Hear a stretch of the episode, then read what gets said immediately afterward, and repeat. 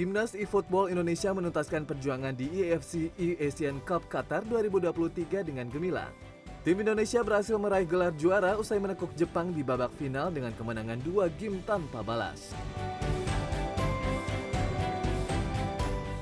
Sempat terjadi drama adu penalti pada game pertama, namun ketenangan dari skuad e-timnas yang diperkuat Rizky Faidan, Muhammad Akbar Paudi, dan Elga Cahaya Putra berhasil menunjukkan ketangguhan tim Indonesia dan melibas Jepang 2-0.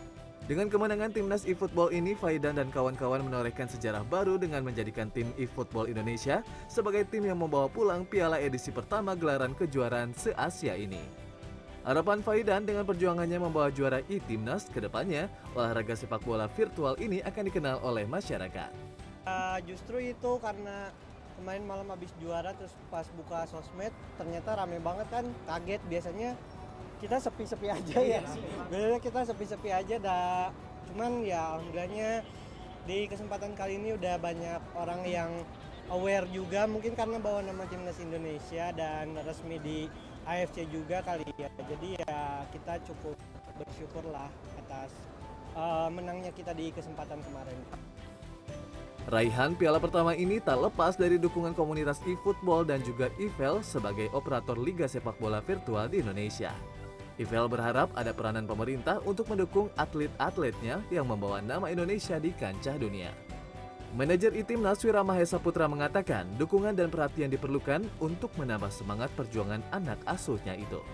Menurut Wira, karena tim Indonesia sudah menjadi perhatian bagi negara-negara di Asia dalam kancah sepak bola virtual.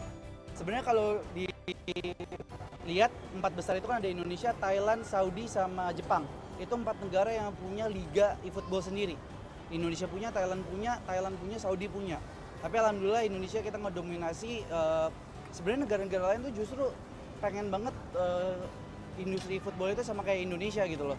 Tapi ya memang di Indonesia nya aja masih kurang apresiasi. Malah kita diapresiasi sama siapa aja? Korea? Banyak. Korea Brunei Vietnam Thailand Malaysia. Malaysia. Kita banyak diapresiasi dari negara luar tapi ya itulah minim apresiasi di negara sendiri dengan perhatian dan dukungan dari pemerintah, bukan tidak mungkin akan ada atlet-atlet baru yang bisa meneruskan perjalanan dan perjuangan timnas e-football pada gelaran kejuaraan dunia ke depannya.